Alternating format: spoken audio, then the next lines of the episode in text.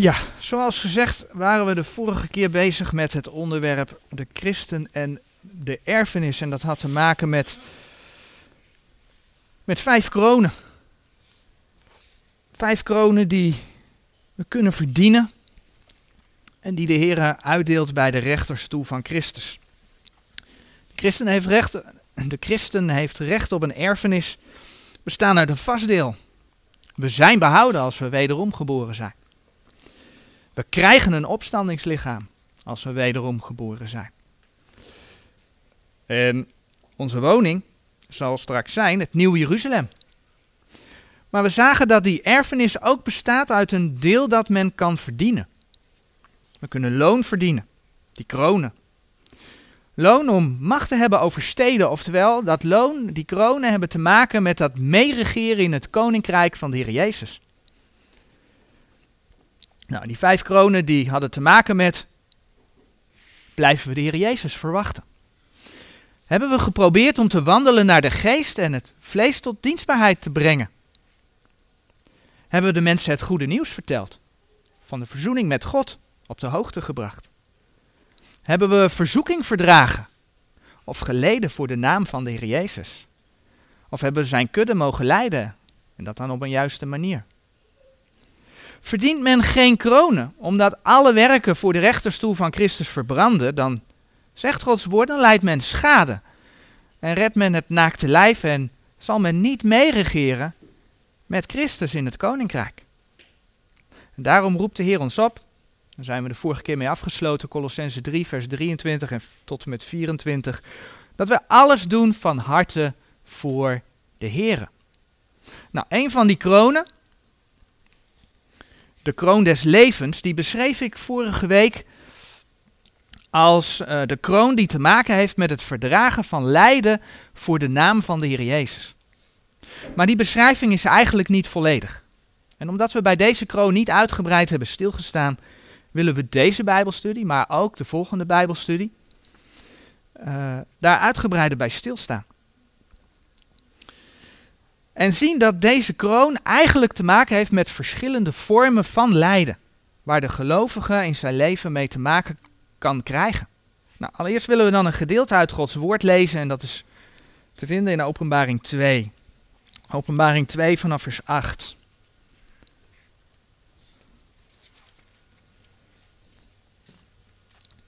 Openbaring 2 vanaf vers 8.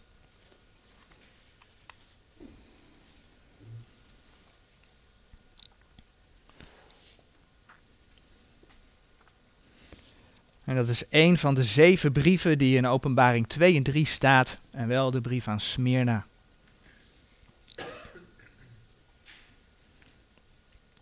Schrijf aan de engel der gemeente van die van Smyrna.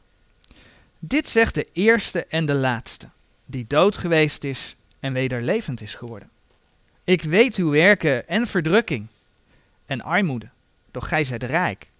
En de lastering dergenen die zeggen dat zij Joden zijn en zijn het niet, maar zijn een synagoge des Satans. Vrees geen der dingen die gij lijden zult. Zie, de duivel zal enige van uw lieden in de gevangenis werpen, opdat gij verzocht wordt.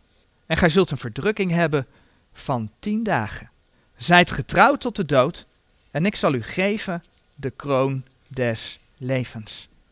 Die oren heeft, die horen wat de geest tot de gemeente zegt. Die overwint, zal van de tweede dood niet beschadigd worden. In dit gedeelte lezen we over de kroon des levens. En dat deze te maken heeft met het verdragen van lijden voor de naam van de Heer Jezus. In, in, in vers 10, daar lazen we, vrees geen der dingen die gij lijden zult. Zie, de duivel zal enige van uw lieden in de gevangenis werpen, opdat gij verzocht wordt. En gij zult een verdrukking hebben van tien dagen. Zijt getrouwd tot de dood. En ik zal u geven de kroon des levens. Deze kroon is een beloning voor mensen die verdrukking verdragen. En het is niet voor niets dat deze kroon in de, in de brief aan Smyrna genoemd wordt. In de zeven brieven aan de gemeente die in openbaring 2 en 3 beschreven worden, daar vinden we profetisch de geschiedenis van de gemeentebedeling. Vanaf het moment dat de Heer Jezus naar de Vader is gegaan en de Heilige Geest is gekomen, tot aan het moment dat de gemeente opgenomen zal worden. En die, wat we daar met name in vinden is, is, is de kerkgeschiedenis. En de brief aan Smyrna, de tweede brief, die staat ehm, voor de periode van de christenvervolging onder de Romeinse keizers van circa 100, 200 na Christus tot circa 325 na Christus. En Smyrna was destijds een rijke handelsstad in Azië, Klein-Azië. Een handelsstad die door Alexander de Grote gesticht was. De gemeente van Jezus Christus werd er vervolgd. Zoals blijkt uit het Bijbelgedeelte wat we gelezen hebben. En Smyrna betekent mirre. En mirre staat voor bitterheid, voor dood. En ja, Smyrna werd ook in de geschiedenis als kerkperiode geconfronteerd met bitterheid en met dood. De kerk is een vervolgde kerk in het Romeinse Rijk. Zoals we in Openbaring 2 vers 10 hebben kunnen lezen. De Heer Jezus die kondigde het al aan voor zijn discipelen dat dit zou gaan gebeuren. En als we Matthäus erbij pakken, Matthäus 5.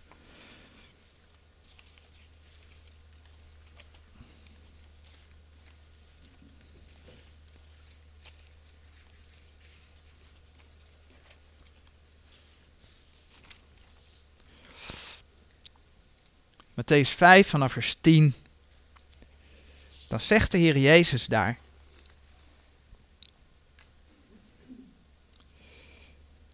Zalig zijn die vervolgd worden om der gerechtigheid wil, want hunner is het koninkrijk der hemelen. Zalig zijt gij als u de mensen smaden en vervolgen en liegende alle kwaad tegen u spreken, om mijnentwil. Verblijd en verheugt u, want uw loon is groot in de hemelen, want alzo hebben zij vervolgd de profeten die voor u geweest zijn. En ja, dit gedeelte is uit de zaligsprekingen. En onlangs hebben we erbij stilgestaan dat de zaligsprekingen eigenlijk helemaal niet op de gemeente betrekking hebben. Het gaat ook over het koninkrijk der hemelen. Dat verwijst naar het duizendjarig vrederijk. Dus waarom citeer ik deze versen? Omdat deze versen ook voor de gemeente gelden.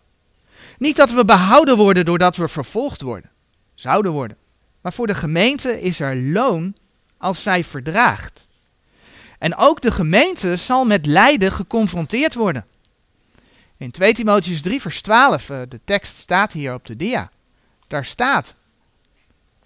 En ook alle die godzaliglijk willen leven in Christus Jezus, die zullen vervolgd worden. Zo werden onder verschillende keizers christenen vervolgd. De eerste vervolger, ook een van de bekendste, denk ik, was keizer Nero. Die daar reeds in 67 na Christus mee begon. En het staat niet in de Bijbel, maar diverse bronnen geven aan dat bijvoorbeeld de apostel Paulus, en daar is dit dan een afbeelding van, door bevel van Nero onthoofd is. In 69 na Christus. Zo hebben onder andere de apostelen veel geleden. En natuurlijk zijn er de geschiedenissen bekend hè, dat ze bevrijd zijn uit de gevangenis. Handelingen 12, Handelingen 16. Dat klopt. Maar dat neemt niet weg dat velen een gewelddadige dood gestorven zijn. Zo schrijft Paulus in 2 Timotheus 3 vers 11. Eh, hij staat op de dia, maar ik pak het er even bij. 2 Timotheus 3 vers 11 het volgende.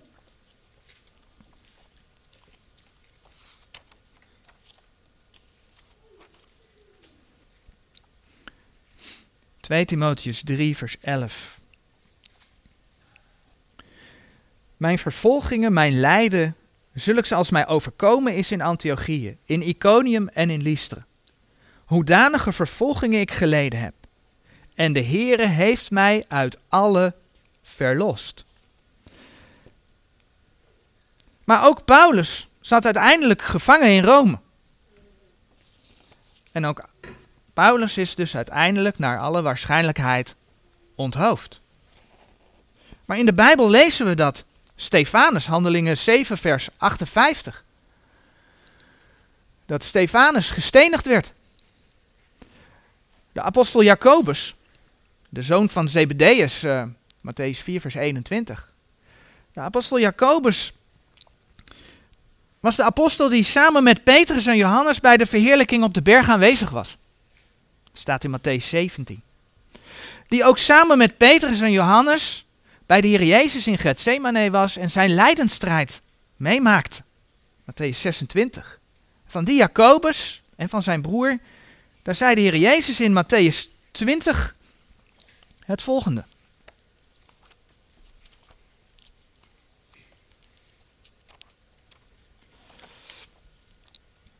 Matthäus 20, vers 22.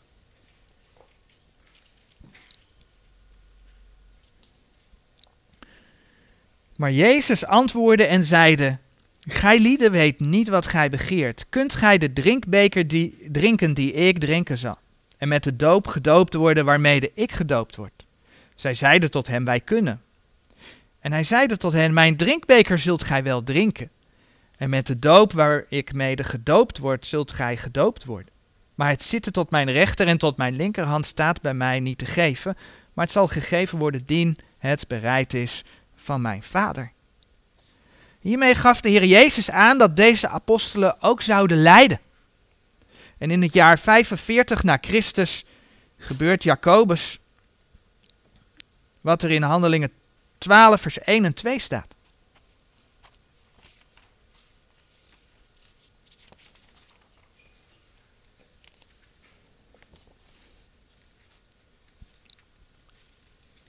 Handelingen 12, vers 1 en 2.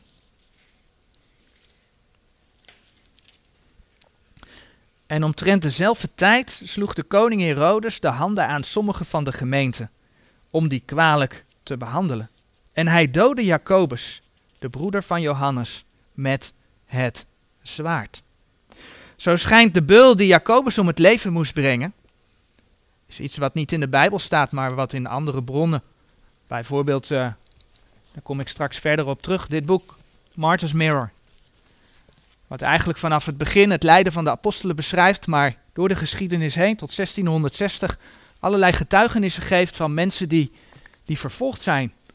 Door de keizers, door de Rooms-Katholieke Kerk.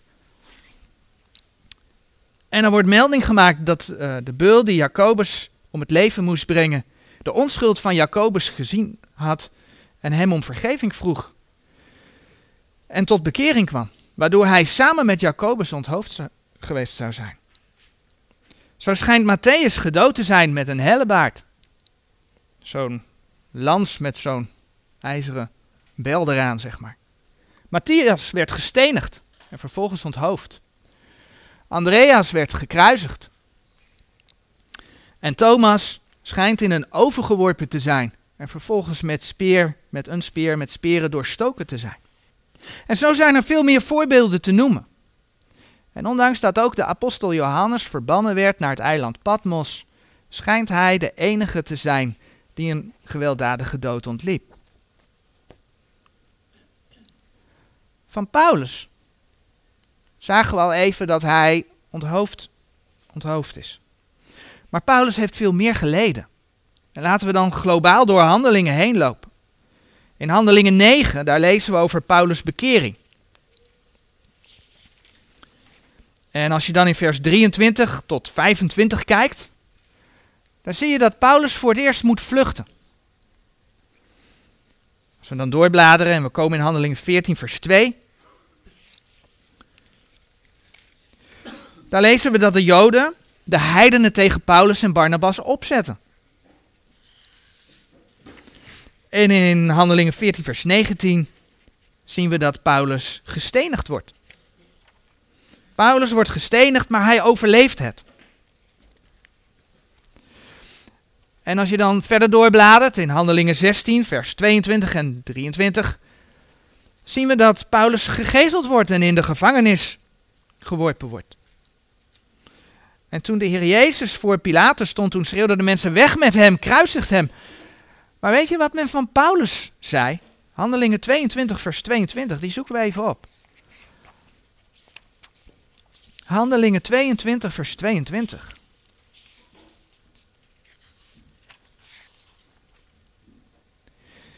Zij hoorden hem nu tot dit woord toe en zij verhieven hun stem, zeggende: Weg van de aarde met zulk een, want het is niet behoorlijk dat hij leeft.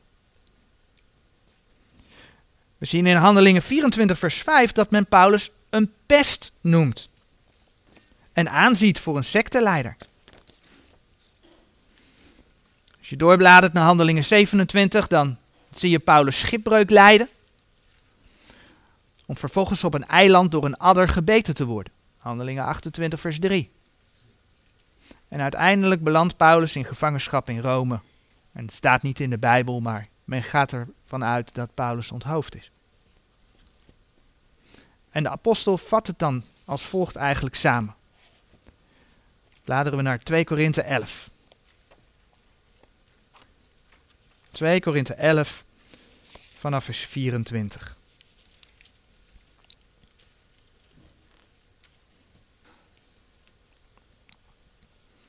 Van de Joden heb ik veertig slagen min één, vijfmaal ontvangen. Driemaal ben ik met roede gegezeld geweest, eens ben ik gestenigd, driemaal heb ik schipbreuk geleden, een ganse nacht en dag heb ik in de diepte overgebracht.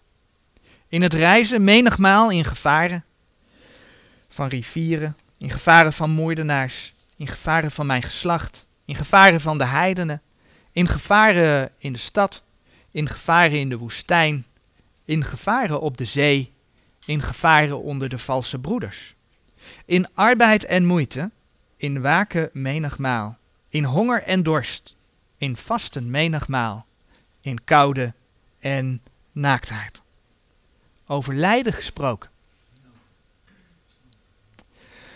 Toen Paulus tot geloof kwam, toen sprak de Heer tot Ananias over Paulus in Handelingen 9 vers 16 hier op de dia. Want ik zal hem tonen hoeveel hij lijden moet om mijn naam. Nu, daar hebben we vele voorbeelden van gezien. Paulus die trad in de voetstappen van zijn heren. 1 Petrus 2 vers 21. Er staat namelijk geschreven, want hiertoe zijt gij geroepen, terwijl ook Christus voor ons geleden heeft, ons een voorbeeld nalatende, opdat gij zijn voetstappen zoudt navolgen. Het navolgen in de voetstappen van de Heer Jezus heeft dus met lijden te maken, die voor ons geleden heeft, een voorbeeld nalatende, opdat gij in zijn voetstappen zoudt navolgen. Wat in het Oude Testament de profeten gebeurde, dat gebeurt in het Nieuwe Testament met apostelen en volgelingen van de Heer Jezus. In Matthäus 23, vers 34, daar zegt de Heer Jezus tegen de Joodse leiders.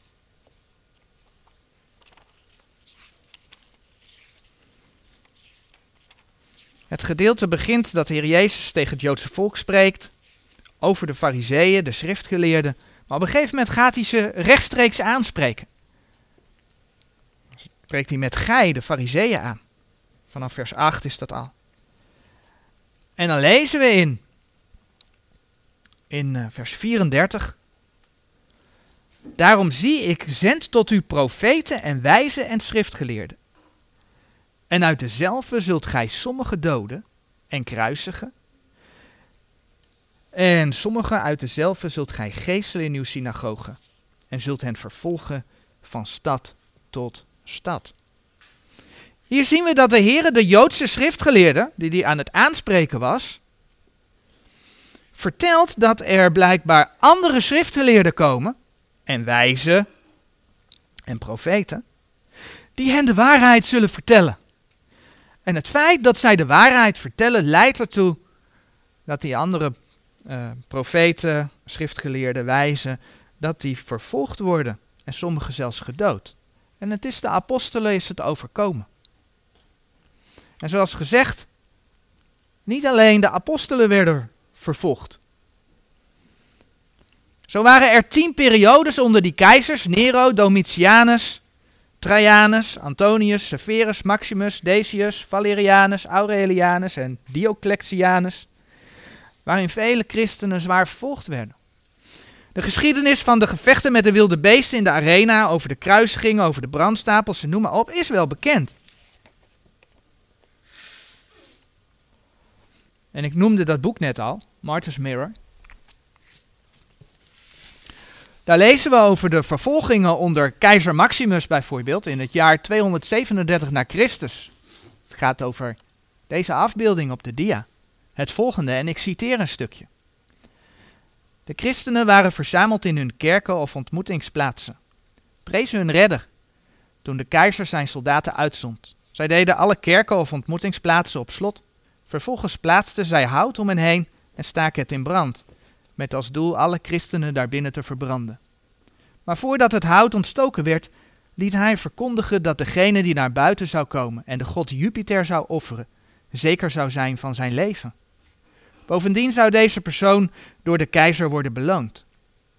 De christenen antwoordden dat ze niets wisten van Jupiter, dat Christus hun Heer en God was, door de eer van zijn naam, en dat zij door het aanroepen van diezelfde naam zouden leven en sterven.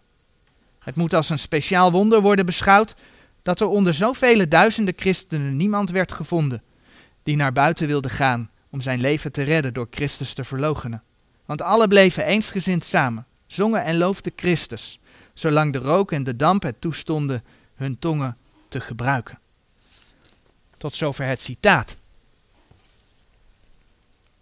Het mooie was, helaas voor de keizers, dat als gevolg van die vele vervolgingen het aantal tot geloof gekomen mensen alleen maar bleef stijgen. Maar christenvervolging was een kenmerk van die eerste tijd van de gemeente. Als je gaat kijken door de geschiedenis heen, dan komt het eigenlijk door de hele geschiedenis voor. Denk aan de Roomse Inquisitie. De Rooms-Katholieke Kerk heeft mensen die de Bijbel boven de Rooms-Katholieke Kerk stellen, stelden en daarmee de Roomse leer verwierpen, sterk vervolgd. En dat gebeurt nog steeds. En misschien nog niet hier, hier in Nederland, maar het gaat wel terugkomen. In ieder geval na de opname. Als de gemeente weg is. Misschien al wel voor de opname. Het is niet voor niets dat de Bijbel laat zien in Openbaring 17 dat de moeder der hoerijen, het verborgenheid, het grote Babylon, in de grote verdrukking dronken is van het bloed der heiligen. Openbaring 17 vers 6. En die kant gaat het op. En als je kijkt naar mensen, dan zie je dat de intolerantie ook onder mensen die, ik zeg ook, maar misschien wel met name onder mensen die zich christen noemen, ten opzichte van mensen die zich aan Gods woorden willen vasthouden, dat dat toeneemt. Maar terug naar de geschiedenis. Vele mensen die niet wilden buigen voor het Roomse systeem, zijn ter dood veroordeeld. En vaak op de meest verschrikkelijke manieren. Vele duizenden miljoenen hebben de dood gevonden. Zo werd in 1571 na Christus een 53-jarige vrouw, Anneke Hendricks, voor haar getuigenis van Jezus Christus levend verbrand en dit is in Amsterdam. Nadat ze van Friesland naar Amsterdam was gekomen, werd ze verraden door een buurman en gearresteerd. In 1660, want dit boek, daar komt het getuigenis uit. Dit boek is in 1660 uh, opgesteld door de auteur schreef men als getuigenis over deze vrouw. En ik citeer weer een stukje. Toen ze op de dam arriveerde, zei Anneke dat men niet moest aarzelen om naar haar te kijken. Zij was immers geen hoer of dief, maar een gevangene voor de naam van Jezus. Nadat zij in de gevangenis kwam, heeft zij haar Heere en Schepper met een nederig hart gedankt en geprezen, dat hij haar waardig achtte om voor zijn naam te lijden. En zij beleidde haar geloof voor de gerechtsdienaar en de andere heren. Zij hebben haar met Baalspriesters zeer gepijnigd. De priesters van de Rooms-Katholieke Kerk gaat terug naar de Babylonische godsdienstverering met Baalspriesters. Zeer gepijnigd om haar te doen afvallig worden. Maar door de genade van God kon zij dit dapper weerstaan. Zo hebben ze deze godvrezende vrouw, die niet kon lezen of schrijven, bij haar handen gebonden. Net zoals het bij Christus gebeurde. En door ernstige foltering zocht men haar de namen van haar medegelovigen want zij dorsten naar meer onschuldig bloed. Maar ze kregen niets van Anneke. Zo getrouw hield God haar lippen vast. Vandaar dat de gerechtsdienaar tegen haar aanklacht, tegen haar de aanklacht indiende besmet te zijn met ketterij. Daarop werd ze veroordeeld om levend te worden verbrand. Ze werd toen vastgebonden op een ladder. Toen zei ze tegen Evert, haar buurman, gij Judas, Ik heb het niet verdiend dat ik zo zou worden vermoord. En zij vroeg hem om dit niet meer te doen, of God zou het hem moeten wreken. Waarop Evert boos zei dat hij al diegenen die van haar gedachten waren, in dezelfde problemen zou brengen. Als zij zich niet zou bekeren, zou zij van dit vuur in het eeuwige vuur overgaan. Waarop Anneke standvastig zei: Hoewel ik door u word veroordeeld, is wat u zegt niet van God afkomstig. Want ik vertrouw sterk op God, die mij uit mijn benauwdheid zal helpen en mij uit al mijn moeilijkheden zal verlossen. Ze lieten haar niet meer spreken, maar vulden haar mond met buskruid en droegen haar zo van het stadhuis naar het vuur waarin ze haar levend wierpen. Evert lachte, alsof hij dacht dat hij God een aanvaardbare dienst had gedaan. Maar de barmhartige God, die de troost van de vrome is, zal deze getrouwe getuigenis geven. Voor deze korte en tijdelijke verdrukking.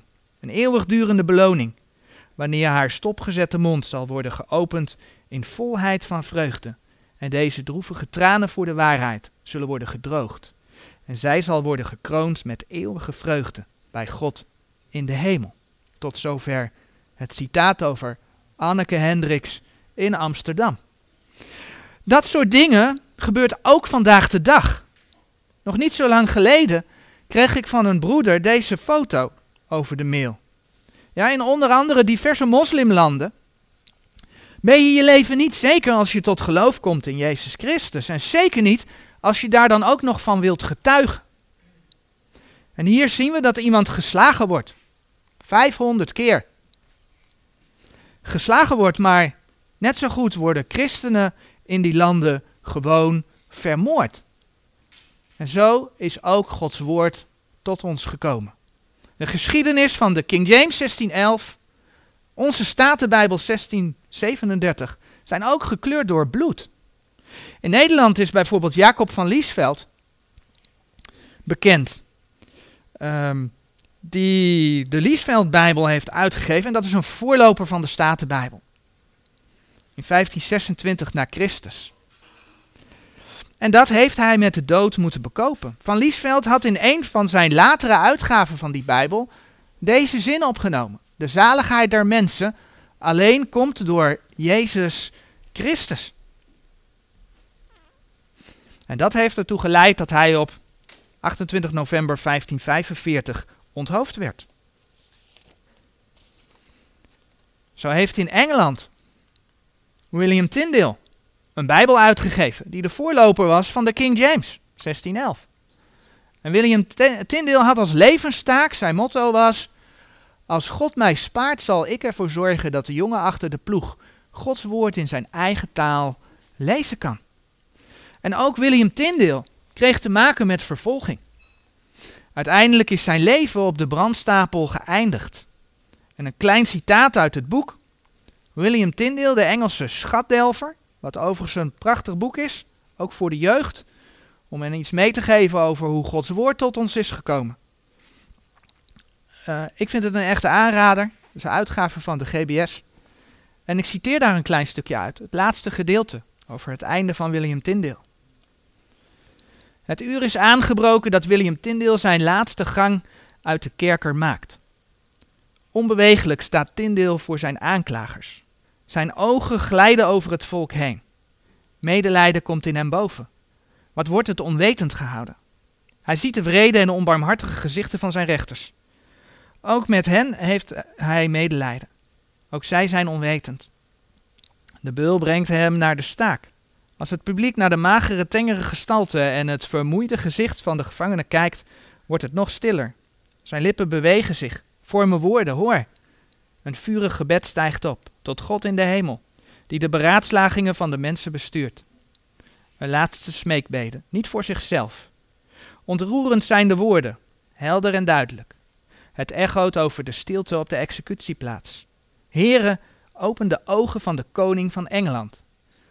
Dan doet de beul zijn werk. De mensen keren huiswaarts, diep onder de indruk van wat ze gehoord en gezien hebben. Een jong en talentvol leven is heen gegaan, uitgeroeid als onkruid op het veld. Maar het woord van God blijft tot in alle eeuwigheid onuitroeibaar.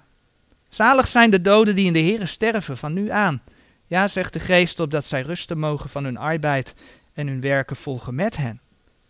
Twee jaar na de dood van William Tyndale geeft de koning van Engeland bevel dat op de kansel van alle kerken in zijn land de Bijbel in de volkstaal moet liggen. De Bijbel van de Engel, Engelse reformator. De Heere heeft zijn gebed verhoord. Wonderlijk. Tot zover een citaat uit dit boekje. En zo zijn er nog vele voorbeelden meer te vertellen. Zo is Gods woord tot ons gekomen. Overigens, er zijn ook voorbeelden hoe de Heere God de vertalers gespaard heeft om hun werk te doen. Immers, hij heeft beloofd dat hij zijn woord voor ons zou bewaren. Psalm 12, vers 7 en 8. Over de Statenvertalers is het volgende bekend. En ik citeer een klein stukje. Wonderlijk bleek Gods gunst en goedkeuring over de arbeid in het jaar 1635. In ons land brak toen de gevreesde pestziekte uit, ook in Leiden, waar de vertalers en revisoren werkten. Volgens Caspar Sibelius werden in één week ongeveer 1500 mensen begraven. Doordat de vertalers in een huis vlak bij de ingang van de begraafplaats hun werk verrichtten, werden zij dag aan dag bepaald bij de kortstondigheid en vergankelijkheid van het aardse leven. Ongetwijfeld is dit een zware beproeving voor hen en hun gezinnen geweest. Sibelius schrijft daar later over.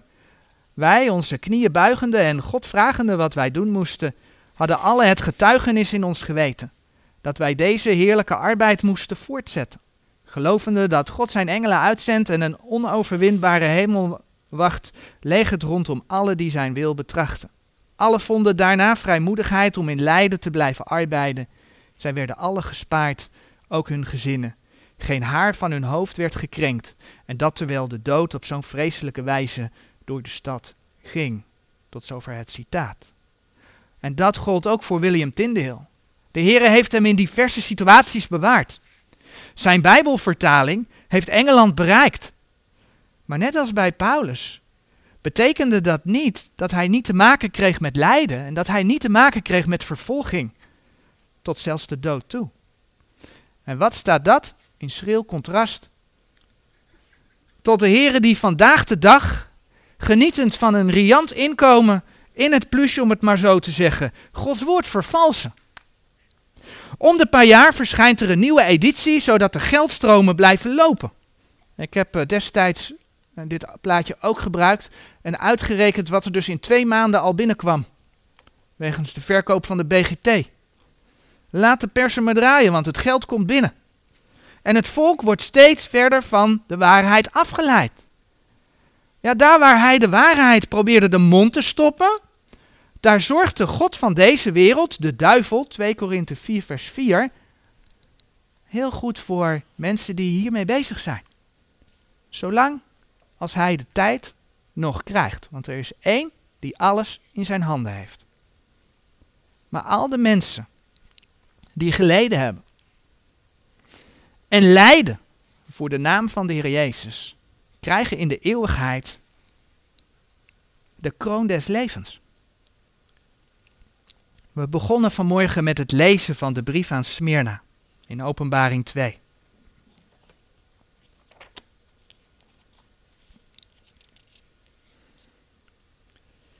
In openbaring, ja, in openbaring 2. Smyrna was dus die kerk ten tijde van de vervolgingen onder de Romeinse keizers. En we zien dan ook in openbaring 2 vers 8, daar zien we staan. Dit zegt de eerste en de laatste. Niets gaat buiten hem om. Hij heeft het eerste woord, hij heeft het laatste woord. Wat hij zegt, zal gebeuren. Zijn woord is waarheid. De beloften in zijn woord zijn waar. Wat mensen er ook tegen inbrengen. Verder staat er in dat vers 8. Die dood geweest is en weder levend is geworden. Als troost voor zijn volgelingen in de nood. De dood heeft niet het laatste woord. Hij is opgestaan. De dood is overwonnen. En dood en hel zullen in de poel des vuurs geworpen worden. Staat er in openbaring. En degene die deel hebben aan de eerste opstanding, en dan betreft dat de gemeente, kun je in 1 Thessalonicense 4 lezen, zullen opgenomen worden de Here tegemoet. Maar ook de gelovigen in de grote verdrukking. Staat in openbaring 20 vers 4. Over die heeft de poel des vuurs, de tweede dood, geen macht. En de gelovigen die in dat lijden volhard, krijgt van de Heer als loon, nogmaals, die kroon des levens. Ik wil graag afsluiten vandaag met het lezen van Psalm 56.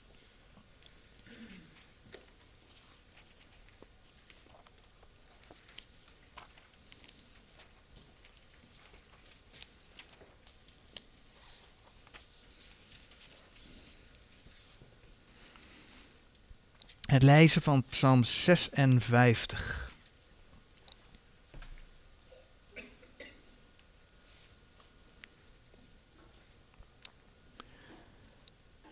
Een gouden kleinoot van David voor de opperzangmeester op Jonat Elem en Regokim. Als de Filistijnen hem gegrepen hadden te gat. Zijt mij genadig, o God, want de mens zoekt mij op te slokken. De ganse dag dringt mij de bestrijder. Mijn verspieders zoeken mij de ganse dag op te slokken, want ik heb vele bestrijders, o Allerhoogste. Ten dagen als ik zal vrezen, zal ik op u vertrouwen. In God zal ik zijn woord prijzen. Ik vertrouw op God. Ik zal niet vrezen, wat zou mij vlees doen? De ganse dag verdraaiden zij mijn woorden. Al hun gedachten zijn tegen mij ten kwade. Zij rotten tezamen. Zij versteken zich. Zij passen op mijn hielen als die op mijn ziel wachten. Zouden zij om hun ongerechtigheid vrijgaan? Stort de volken neder in toren, o God. Gij hebt mijn omzwerven geteld. Leg mijn tranen in uw fles. Uh, zijn zij niet in uw register? Dan zullen mijn vijanden achterwaarts keren. Ten dagen als ik roepen zal, dit weet ik, dat God met mij is. In God zal ik het woord prijzen. In de Heere zal ik het woord prijzen. Ik vertrouw op God. Ik zal niet vrezen. Wat zou mij de mens doen? O God, op mij zijn uw geloften. Ik zal uw dankzeggingen vergelden. Want gij hebt mijn ziel gered van de dood. Ook niet mijn voeten van aanstoot, om voor Gods aangezicht te wandelen in het licht der levenden. Volgende keer zullen we verder gaan met dit onderwerp lijden. We gaan nog even door op het lijden voor zijn naam, want ook wij kunnen in situaties terechtkomen dat we te maken krijgen met lijden voor de Heer Jezus. Maar ook zullen we zien dat die kroon des levens volgens Jacobus 1 vers 12 wordt gegeven voor andere vormen van verzoeking in het leven van de christen. Van de wederom geboren gelovigen. Maar daar gaan we dan de volgende keer mee verder. Tot zover.